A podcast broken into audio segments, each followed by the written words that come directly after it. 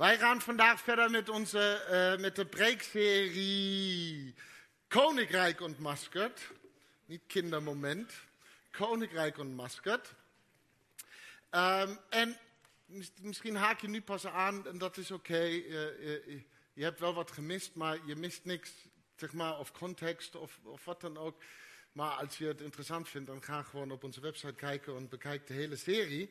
Uh, in het kort gaat het daarover dat we de verborgenheid van het Koninkrijk van God, dat goed nieuws is, willen onthullen. Het Koninkrijk van God is in ons, zegt de Bijbel.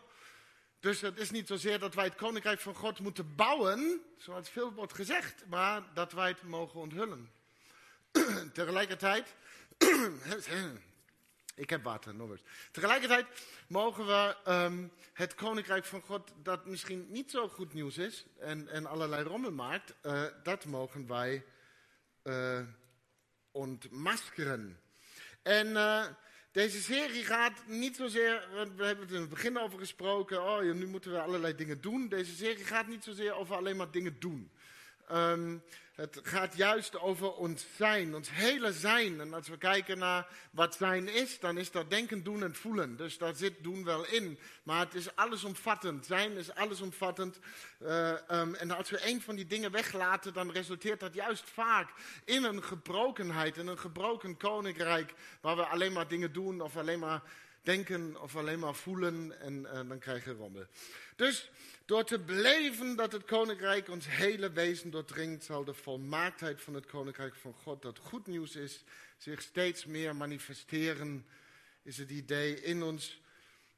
Ik heb water. Was de, ja. Ik heb water nodig. Nee, nodig heb, heb jij gehoord, maar heb ik niet gezegd, maar ik neem het wel even van jou aan.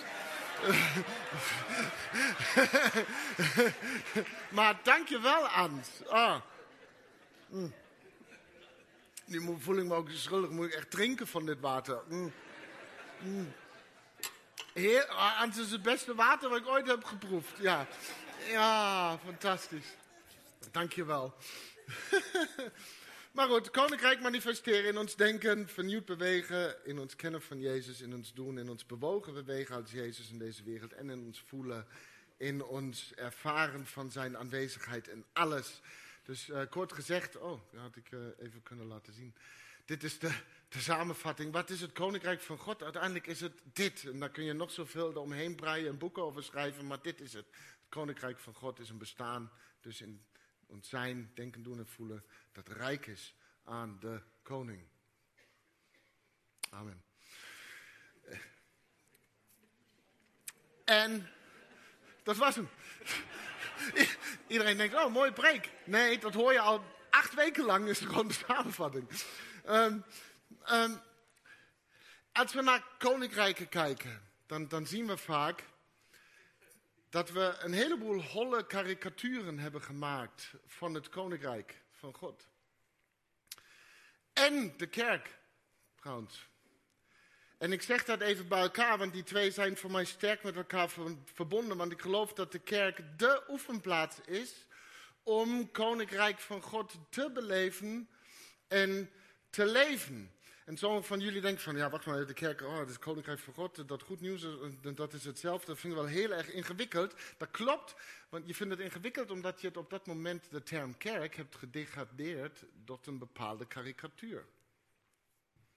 Zoals bijvoorbeeld, eh, ja, weet ik veel, een, alleen maar een organisatie of een instituut of religie of achterhaald of wat dan ook. En dat denk je dan, huh, wat, dat is het koninkrijk van God? Nou, dat klopt, maar het is jouw karikatuur.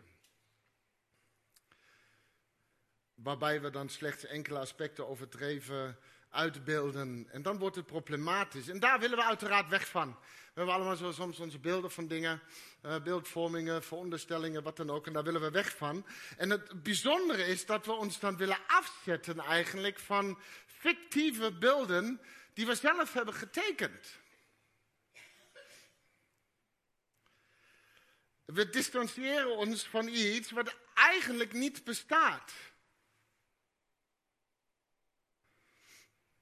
Dus deze holle beelden worden dan, dat, dat komt dan ook nog, soms gebruikt als excuus om, uh, om geestelijk af te haken en te zeggen, haha, zie je wel, het geloof werkt niet. En we zien het vaker gebeuren, hè, dat mensen geestelijk zijn leeggelopen en dan worden er aspecten van kerk en geloof mistekend om het te verklaren. Karikaturen. En als reactie begint de kerk vervolgens te rommelen, te modderen en te veranderen, wat, wat op zichzelf goed is. Maar, laten we dit zeggen, maar als deze veranderingen en innovaties, die op zichzelf allemaal goed zijn, alleen dienen om bij mensen een illusie van geestelijk leven in stand te houden, dan houden we ons als kerk ook voor de gek. En dan worden wij die karikatuur.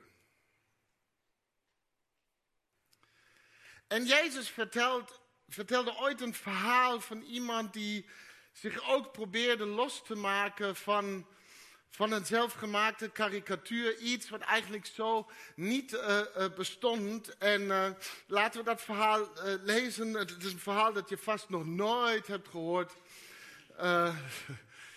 Niemand kent dit verhaal in Lucas 15, 11 32, tot uh, met 32. En daar staat vervolgens, zei Jezus, um, iemand had twee zonen. Dit is de titel van het verhaal. Wij noemen het altijd het verhaal van de verloren zoon. Nee, iemand had twee zonen. Oké, even een stukje Bijbelkennis gecorrigeerd. Iemand had twee zonen. En de jongste van hen zei tegen zijn vader: Vader, geef mij het deel van uw bezit waarop ik recht heb. De vader verdeelde zijn vermogen onder hen. Na enkele dagen verzilverde de jongste zoon zijn bezit en reisde af naar een ver land, waar hij een losbandig leven leidde en zijn vermogen verkwiste. Toen hij alles had uitgegeven, werd dat land getroffen door een zware hongersnood en begon hij gebrek te lijden. Hij trok erop uit en vuurde zich aan een van de inwoners van dat land, die hem op het veld zijn varkens liet hoeden. Hij had graag zijn maag willen vullen met de peulen die de varkens te eten kregen, maar niemand gaf ze hem. En toen kwam hij tot zichzelf en dacht: De dagloners van mijn vader hebben eten in overvloed en ik kom hier om van de honger. Ik zal naar mijn vader gaan en tegen hem zeggen: Vader, ik heb gezondigd tegen de hemel en tegen u. Ik ben het niet meer waard uw zoon genoemd te worden. Behandel mij als een van uw dagloners. En hij vertrok meteen en ging op weg naar zijn vader. Zijn vader zag hem in de verte al aankomen. Hij kreeg medelijden en rende zijn zoon af. Viel hem om de hals en kuste hem. Vader, zei zijn zoon tegen hem, ik heb gezondigd tegen de hemel en tegen u. Ik ben het niet meer waard uw zoon genoemd te worden. Maar de vader zei tegen zijn knechten: Haal vlug het mooiste gewaad en trek het, het, hem aan. Doe hem een ring aan zijn vinger en geef hem sandalen. Breng het gemeste kalf en slacht het. Laten we eten en feest vieren, want deze zoon van mij was dood en is weer tot leven gekomen. Hij is verloren en is teruggevonden. En ze begonnen feest te vieren. De oudste zoon was op het veld. En toen hij naar huis ging en al dichtbij was, hoorde hij muziek en gedans. Hij riep een van de knechten bij zich en vroeg wat dat te betekenen had. De knecht zei tegen hem, uw broer is thuisgekomen en uw vader heeft het gemeste kalf geslacht omdat hij hem gezond en wel heeft teruggekregen. Hij werd woedend en wilde niet naar binnen gaan, maar zijn vader kwam naar buiten en probeerde hem tot andere gedachten te brengen. En hij zei tegen zijn vader, al jarenlang werk ik voor u en nooit ben ik u gehoorzaam geweest als u mij iets opdroeg.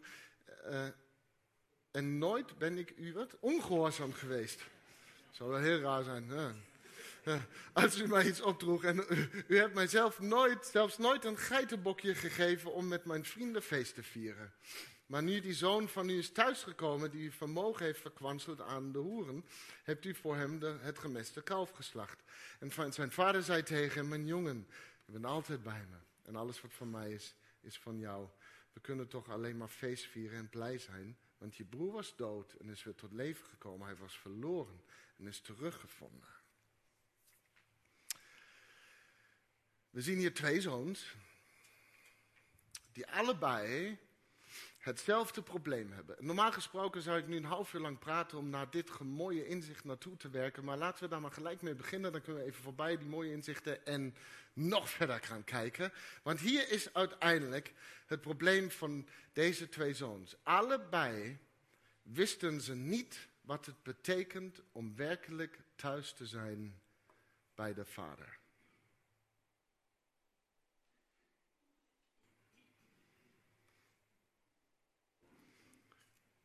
Een goede omschrijving voor mensen die verkeren in gebroken koninkrijken.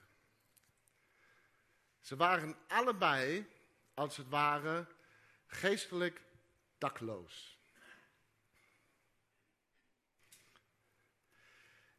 En wij kennen velen, vele geestelijke daklozen in deze tijd, die, die vervolgens hun ontheemd, zijn, rechtvaardigen met handige karikaturen.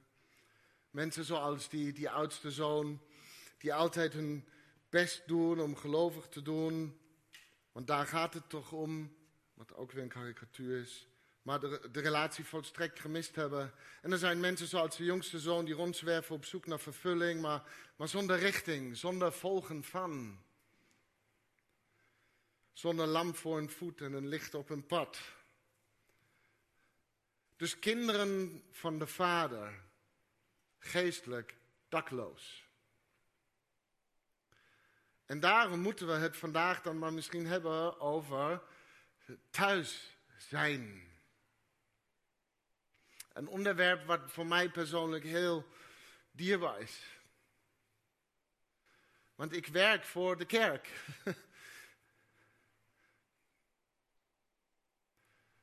maar niet voor de kerk waarvan jij denkt dat is de kerk. Ik werk voor thuis.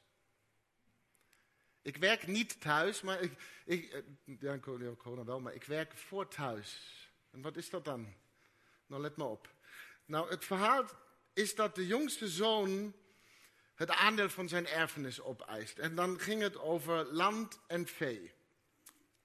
Ja, land en vee. Want we zien uiteindelijk dat ze land bewerken en vee slachten. En dan staat er dat de vader het verdeelde onder hen. Onder hen, hij verdeelde het onder hen. Grappig feitje waar je niks mee moet is. Dus het, het, was niet meer van hem, maar aan het eind van het verhaal laat hij dus dan het gemeste kalf slachten. Gewoon zomaar, wat eigenlijk niet van hem was. maar goed, feit. Uh, dus hij verdeelde alles onder hen.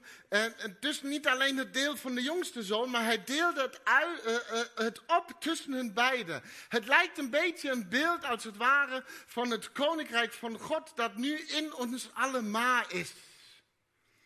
Ja, iedereen krijgt deel in, van, in wat van de Vader is, ongeacht hoe verschillend we ermee omgaan met wat ons is nu toevertrouwd.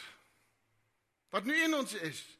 En, en deze verschillen, dit verschillend ermee omgaan, dat is wat dan ook vaak in gebroken koninkrijken resulteert. Dus de jongste zoon, die nam zijn land en zijn vee en hij verzilverde het en hij, hij nam de benen. Want hij, hij, hij voelde zich niet meer thuis.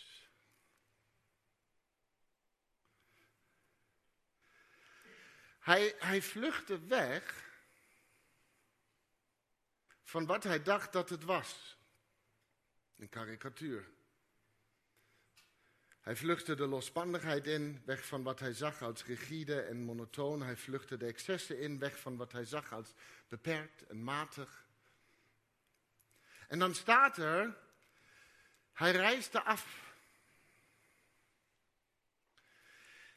En wat ik lastig vind is dat mensen hun vluchten soms een reis noemen alsof het iets moois en goeds is, maar uiteindelijk zijn ze gewoon aan het wegrennen van zelfgemaakte karikaturen.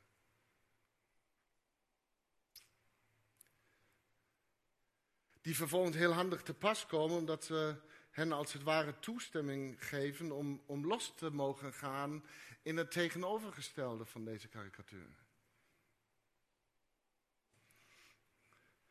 En er zijn zeker allerlei verzachtende nuances aan te brengen op dit moment. Maar waar we mee moeten worstelen is dat Jezus het hoe dan ook verloren noemt. De weg kwijt. Terwijl wij het soms op reis noemen.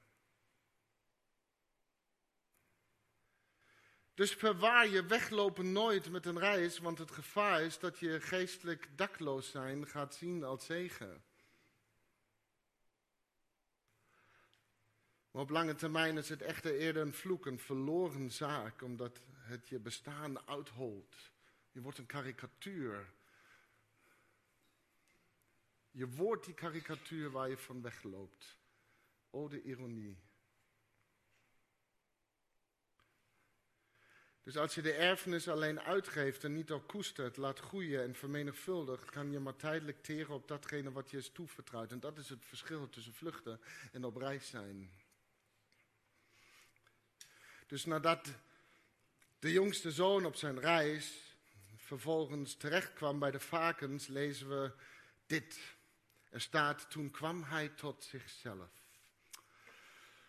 Ah. Het keerpunt in dit verhaal begint met, met hij kwam tot zichzelf. En lees even met mij de Bijbel zoals ik dat, dat lees. Want ik denk, wat een knaller. En mijn allereerste naïeve vraag misschien uh, is, waar was hij dan?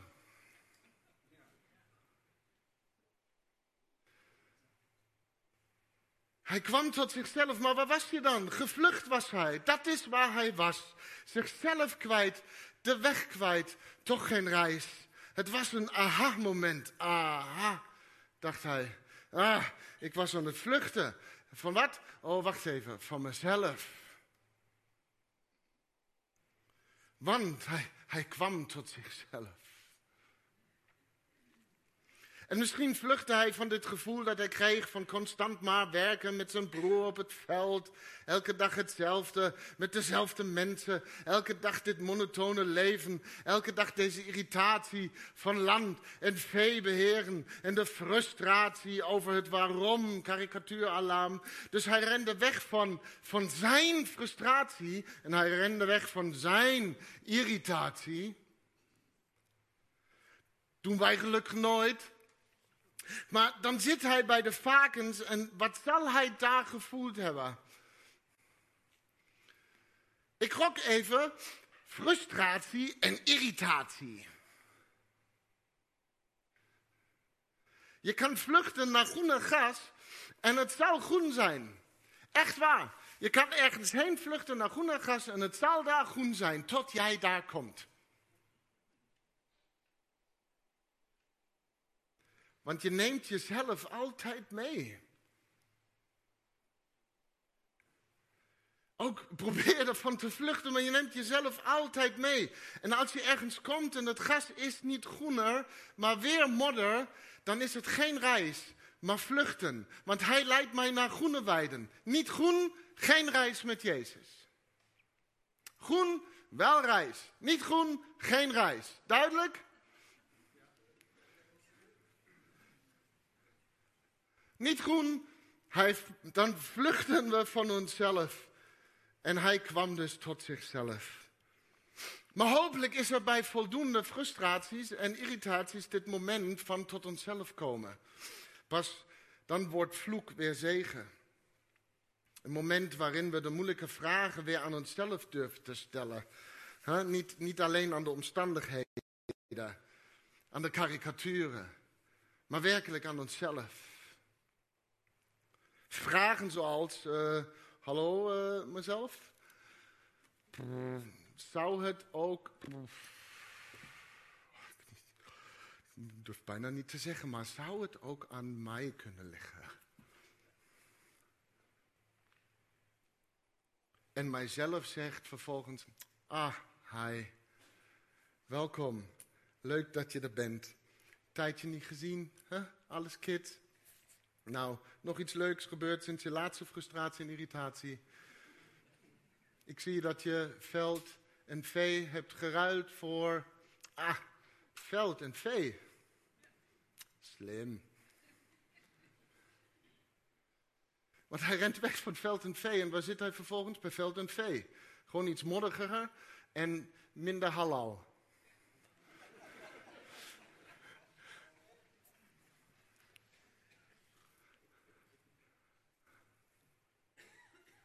En dan zegt mezelf, misschien is het dan nu tijd om naar huis te gaan.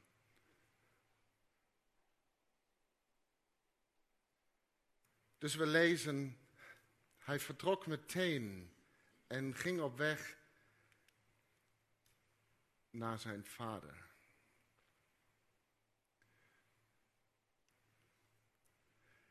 En als je het nog niet hebt gezien, dan wil ik het je even laten zien. Waar, waar ging deze zoon naartoe? Naar huis. Maar niet naar huis. Hij ging naar huis. Snappen we het? Het is niet zo ingewikkeld. Hij ging naar huis.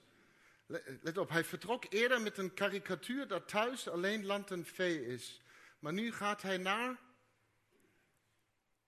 zijn vader. Hij ging wel weer terug naar land en vee, maar, maar thuis was nu zijn vader. Snap je dit? Lieve mensen, thuis zijn is boven alles bij de vader komen voordat het veld en vee is. Want alles is relationeel. Mm Dus hij, rende weg van een karikatuur van veld, van thuis, van, van veld en vee en, en kwam thuis bij zijn vader. Hij rende weg van een gebroken koninkrijk van karikaturen en kwam thuis in het koninkrijk van de vader. En het is precies wat Jezus bad, dat zij u kennen, Heer. Niet dat zij u veld en vee kennen, maar u. En kijk maar hoe mooi dit verhaal dit laat zien. Dus de jongste zoon kwam tot zichzelf en zei, uh, daar lezen we dit stukje nog een keer even. De dagloners van mijn vader hebben eten en overvloed en ik kom hier om van de honger. Ik zal naar mijn vader gaan en tegen hem zeggen, vader, ik heb gezondigd tegen de hemel en tegen u. Ik ben het niet meer waard uw zoon genoemd te worden. Behandel mij als een van uw dagloners. Even een slokje van het heerlijke water van Ans nemen. Mm. Verrukkelijk. Krijg ik straks zo'n broodje balgaat? Nee. Kijk. Kijk even naar deze tekst. Hij had honger. Hij had honger. En honger, geestelijke honger, is altijd een teken dat je niet thuis bent bij de Vader. Ongeacht op welk veld je zit.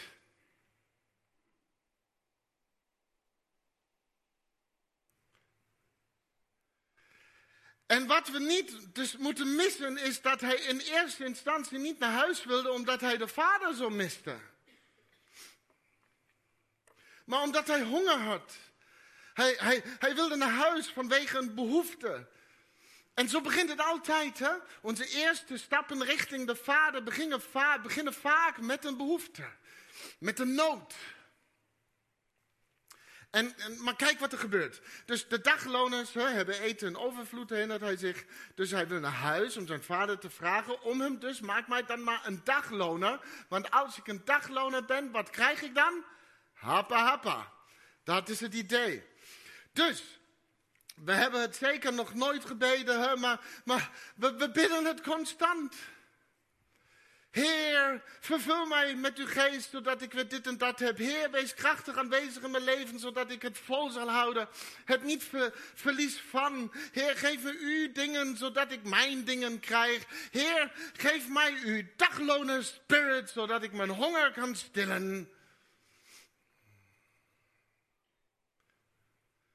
Dus de jongste zoon gaat nog een keer zijn tekst oefenen.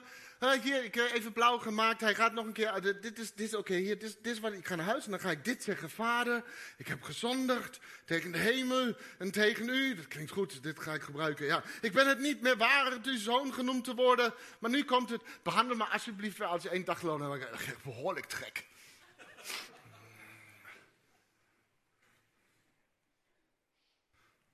En dan gaat hij op pad en het is net een mooi film. Hè? Mooie muziek buit zich op in de achtergrond. De vader ziet hem vervolgens in de verte aankomen lopen. De vader rent op hem af. De muziek buit op. De camera zoomt langzaam uit. En we zien vader en zoon in slow motion zo door het bloemenveld op elkaar afrennen. En terwijl we van de spanning nog wat popcorn in onze mond douwen en je vrouw naast je een persoonlijke tranenoverstroming creëert. Vallen vader en zoon elkaar innig in de armen. En dan komt het moment waarop hij zich zo heeft voorbereid. Dus nu komt zijn tekst, die hij zo goed had geoefend. De muziek valt stil en hij zegt, vader, vers 25, 21, eh, vader, zei zijn zoon tegen hem. Ik heb gezondigd tegen de hemel en tegen u. Ik ben het niet meer waard uw zoon genoemd te worden. En wij denken allemaal, hè? Je bent een regel vergeten.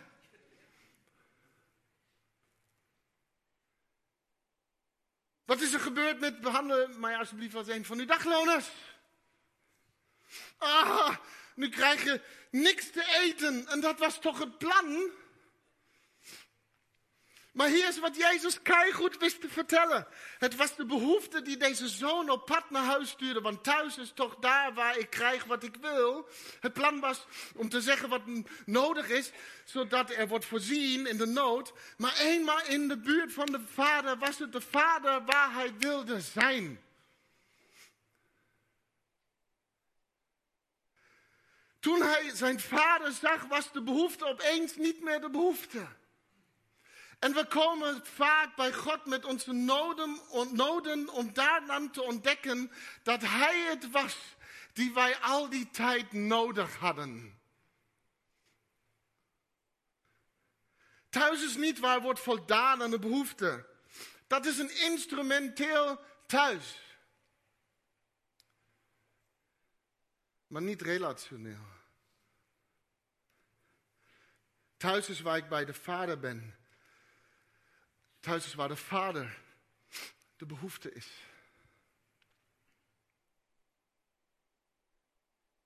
En zij die thuis zijn bij de vader, en hullen dan ook wat mij betreft het koninkrijk van God in al zijn volheid. Wat geen karikatuur op aarde kan vatten. Het zijn altijd, gaat het nooit over karikaturen, maar om degene die thuis zijn bij de Vader. En de verzameling ervan. Het lichaam van Christus. En dan dit. De vader zei, haal vlug het mooiste gewaard en trek het hem aan. Doe hem een ring aan zijn vinger en geef hem sandalen. Breng het gemeste kalf en slacht het. En wat zegt de vader dan? Vader dan, laten we eten. Hij wist het. De vader wist het gewoon. De vader daar weet al wat jij nodig hebt. En dat is het koninkrijk van God, wat goed nieuws is. Zoek eerst het koninkrijk van God en zijn gerechtigheid en dan zullen al die andere dingen je erbij gegeven worden. In een gebrokenheid staat de behoefte boven de relatie. Staat de geoefende tekst om te krijgen wat ik wil boven wat hij ons wil geven. In de koninkrijk van God dat goed nieuws is, staat boven alles een vader die op ons afrent. Ons omhelst en zegt, een vader die op ons wacht. Heb je dat gezien? Zoon afgereisd naar een ver land. Zoon komt terug. Vader staat hem op te wachten. Hij was niet bij de buren. Een vader die op ons afrent om ons helpt en zegt welkom thuis. In een koninkrijk, in het koninkrijk van God, het goed nieuws is, staat boven alles een vader die niet nog eerst zijn gelijk wil halen. Eerst nog eerst nog even straffen.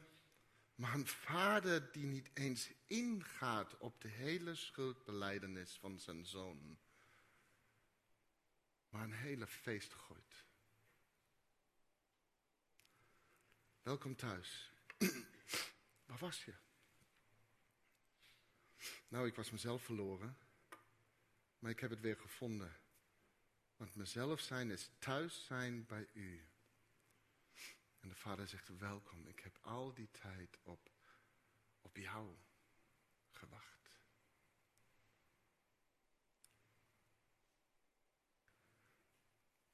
En nu komt het. Dit heb je zo nog nooit gelezen. Ik ook niet, want het staat ook niet. Maar stel je even voor. Oké? Stel je even voor hoe dit verhaal verder was gegaan. Want op een gegeven moment is het feestje voorbij. Hebben we het gemeste kalf van de oudste broer opgegeten. En dan? Ik vermoed dat het gewoon weer wat was. Land en vee.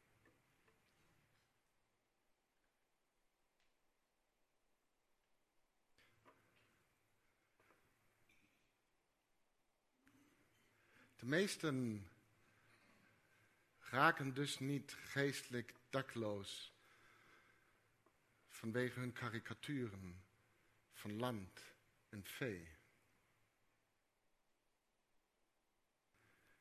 Maar we raken geestelijk onheemd daar waar ons hart, het hart van de Vader misloopt, te midden van land en vee.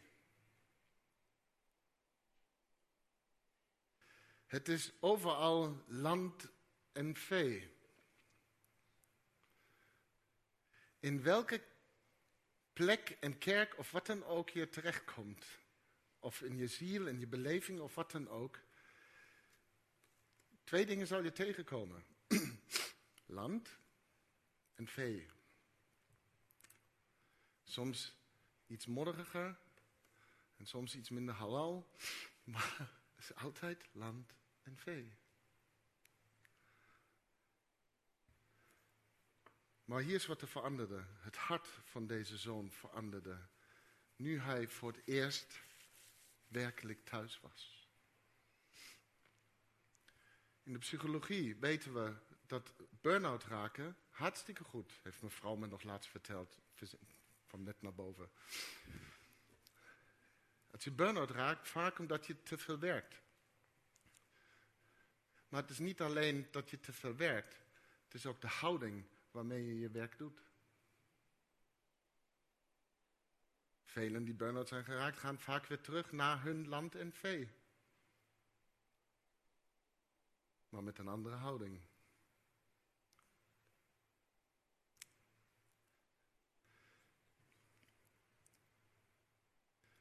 En dan de oudste zoon.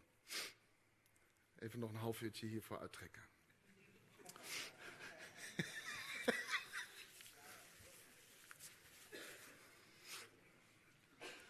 Waarmee begint zijn verhaal?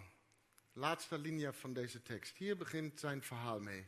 De oudste zoon was op het veld. En mooi hè, dan hij klaagt zijn vader aan en zegt, je hebt me nooit even een geitenbokje gegeven. Je hebt me nooit gegeven wat ik wil. Oh, waar hebben we dat gehoord? Zodat ik met mijn vrienden feestje kan vieren. Zodat we het leuk hebben met elkaar. Heer, u hebt ons nooit gegeven wat wij nodig hebben. Zodat het in onze kring altijd lekker mm, mooi geestelijk is. En ook in onze kerk altijd mm, fantastisch. Dat heb je ons nooit gegeven, Heer. Ja, nee, jij was niet uitgenodigd voor het feest. Maar zo'n geitenbokje even voor mij en mijn matties.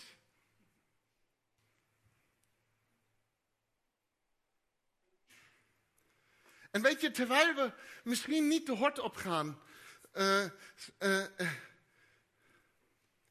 terwijl we niet de hort op zijn gegaan, zijn velen, ook ergens die andere, die, die oudste zoon, die altijd braaf, gehoorzaam en loyaal was aan de buitenkant.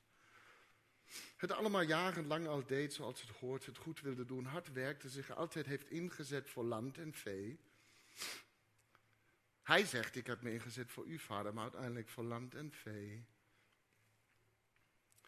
die vervolgens alleen nog maar zijn eigen hard werken ziet, zijn zelfrechtvaardigheid opgaat in wrok en afgunst, die niet meer bij kan, die niet meer blij kon zijn voor degenen die thuis zijn gekomen bij de Vader, Omdat hij ten diepste ook gewoon ontheemd is.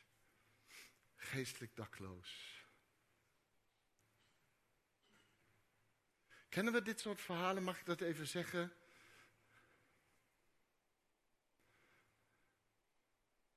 Zo opgaan in onze eigen verhalen op het land, altijd zo mijn best gedaan, terwijl we missen wat er allemaal gaande is in het koninkrijk van God. Nee, nou oké. Dus aan het einde van dit verhaal van twee zoons is het de oudste zoon die nooit is weggegaan, die zich buiten het huis van de vader bevindt. En dan lezen we deze mooie woorden. Maar de vader kwam naar buiten.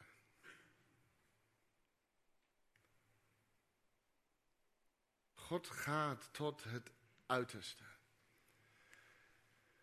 Dus daar waar jij niet tot jezelf kan komen, komt God buiten zichzelf om jou te laten weten, mijn jongen, zo eindigt dit hele verhaal mee, mijn zoon, mijn dochter, je bent altijd bij me. En alles wat van mij is, is van jou. En luister goed, Jezus vertelt ons dit verhaal niet als een waarschuwing om ons te laten weten, wees vooral alsjeblieft nooit die oudste zoon. Maar, maar Jezus vertelt ons dit verhaal om ons te laten weten dat de Vader bewogen is met al zijn kinderen. Die op welke manier dan ook geestelijk ontheemd zijn. Wij maken altijd een verhaal van, van oh die oude zoon boe boe en die, die verloren zoon, die is geweldig, die komt naar huis.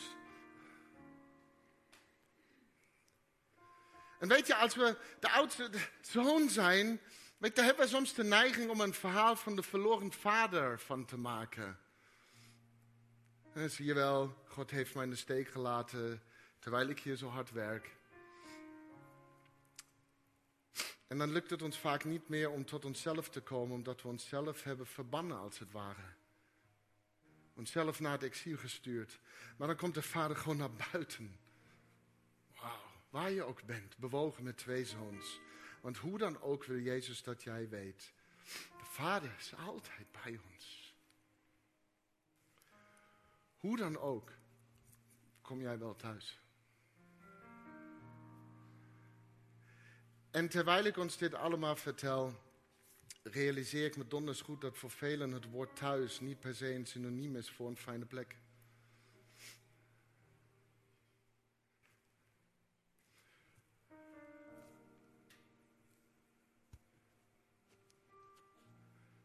Velen is thuis. voel de beleving die we daarbij hebben, een plek van misbruik, geweld, verwaarlozing, instabiliteit enzovoort. Maar ik bid dat je dan mag ervaren wat het betekent om thuis te komen bij de Vader. Want als dat niet gebeurt, ga je vluchten van karikaturen naar karikaturen en word je een karikatuur.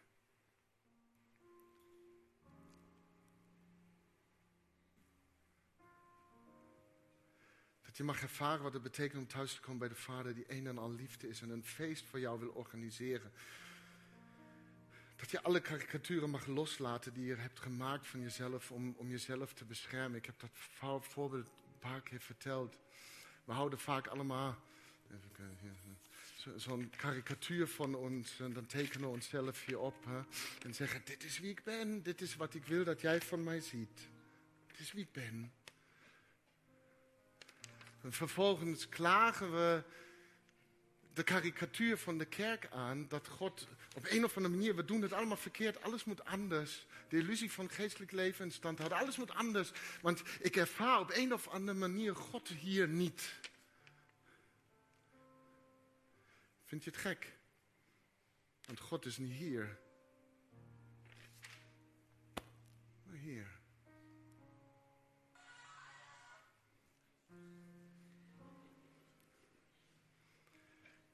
Is hier. Dus dat je tot jezelf mag komen. Daar waar de Vader is. Dat je thuis mag komen tot jezelf, waar, waar Hij is. En Hij is altijd bij ons. Luister. Hij is altijd bij ons. De Vader is met ons als we denken dat we inmiddels wel getrouwd zouden moeten zijn. De Vader is met ons bij trouwaltaar en in huwelijkstherapie en bij de scheidingsadvocaat. De Vader is met ons als tot de dood ons scheidt verandert in er is iemand anders. De Vader is met ons als de zwangerschapstest positief is negatief.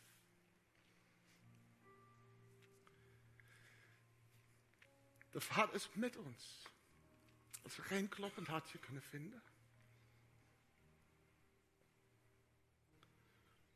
De Vader is met ons als de kanker weer terug is. De Vader is met ons als we goed nieuws krijgen en slecht nieuws. De Vader is met ons bij het ziekenhuisbed en bij het graf.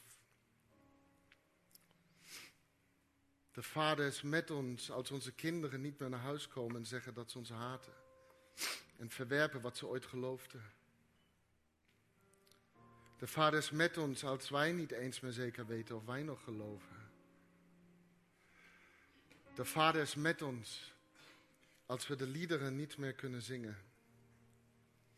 De Vader is met ons als we gefrustreerd en geïrriteerd zijn en ons vertrouwen beschadigd is. De Vader is met ons.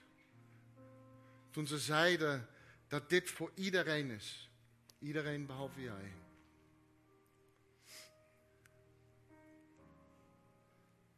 Als de Vader ons gewoon geeft wat wij willen, krijgen we een klein antwoord voor een tijdelijke strijd.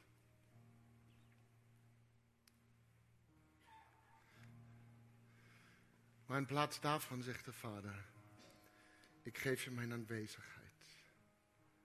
Elke seconde van elke dag. Welkom thuis. Welkom thuis.